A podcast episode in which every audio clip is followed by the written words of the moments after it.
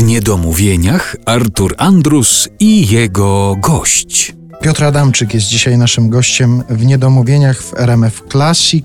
O sprawach zawodowych będziemy sobie rozmawiać, nie tylko o sprawach związanych z dubbingiem, bo od tego zaczęliśmy. Przeczytałem w jakiejś rozmowie, pan wspominał czasy teatru, telewizji. Po teatrze, telewizji rozdzwaniały się telefony, ludzie dyskutowali o tych spektaklach. A kiedy się panu ostatnio zdarzyło po czymś, w czym pan wziął udział, wystąpił? Niekoniecznie mówię tutaj o teatrze, telewizji, ale może o jakimś spektaklu w teatrze po prostu albo w filmie, kiedy nagle zauważył pan, że się rozdzwoniły telefony i w jakiejś sprawie ludzie dzwonią i chcą dyskutować o tym. Jak już jesteśmy przy tym teatrze telewizji, to faktycznie może nie, nie było to rozdzwonienie się telefonów. Teraz pewnie też właśnie przez to, że inaczej się Komentuje komentuje no rzeczy. wystarczy przesłać tam komentarze pod jakimś właśnie postem. To pewnie tak, chociaż mnie brakuje tego typu rozdzwonienia, bo to też Mhm. zawsze było ważne. Ale zdarzyło mi się właśnie po dwóch teatrach telewizji i to oba w reżyserii Wawrzyńca Kostrzewskiego, czyli Wesele Wyspiańskiego i Listy z Rosji e, według książki Astolfa de Kistin. To były takie jakieś, może w ta, naszych trudnych, zaskakująco politycznie czasach, właśnie takie zaskakująca jakaś wolność słowa wybrzmiała w tych sztukach i na to ludzie zwrócili uwagę. Może przez natłok produkcji, że jednak dużo się robi. Podobno w przyszłym roku do kin wejdzie aż 70 nowych premier, jest mniej weekendów, otwarcia, więc tak naprawdę wszyscy filmowcy też się obawiają tego, że po prostu mamy za dużo, jak to teraz zareklamować, jak przekonać widza, żeby akurat wybrał ten film, a nie inny. Tak samo jak w sklepach. No, kiedyś wszyscy dostawaliśmy te same zabawki na, na święta, bo, bo tylko takie rzucili na rynek.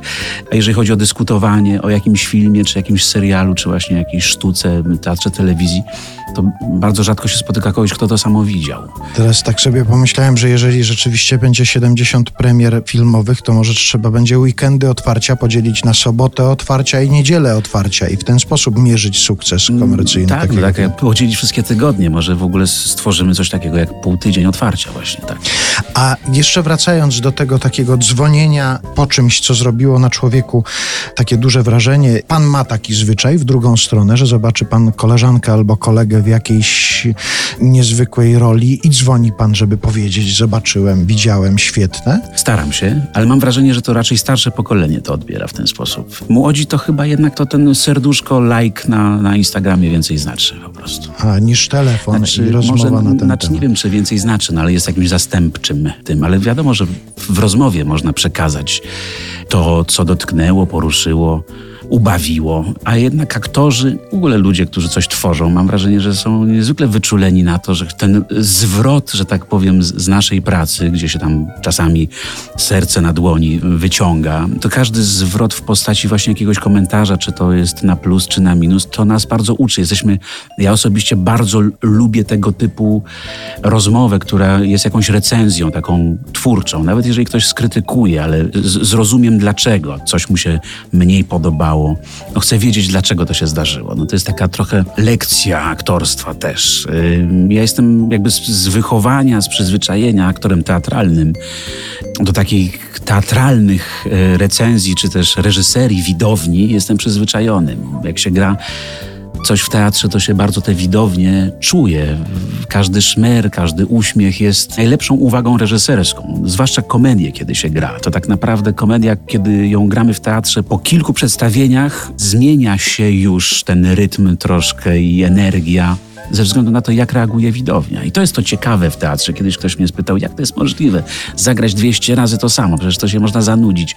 To nie jest nudne absolutnie ze względu na to, że za każdym razem jest inna widownia i że za każdym razem aktor, mówiąc jakąś kwestię, rzucając jakiś rytm, coś tam zmieniając, wyczuwa, że Dzisiaj poszło lepiej niż trzy dni temu, a jutro spróbuję to zrobić jeszcze inaczej. I po jakimś czasie widownia wyreżyserowuje te rytmy i jakieś takie poczucie timingu. Ważne jest też, no, żeby pamiętać o tym, z jakimi założeniami się weszło po, premierze, żeby, żeby tak powiem, reżyser, który dał nazwisko na afiszu, też miał swój udział w tym, a nie tylko widownia. Ale ta widownia jest najważniejsza. Tego brakuje często w takiej komedii e, kinowej. I wtedy ważna jest dla nas bardzo ekipa filmowa, która jest naszą widownią.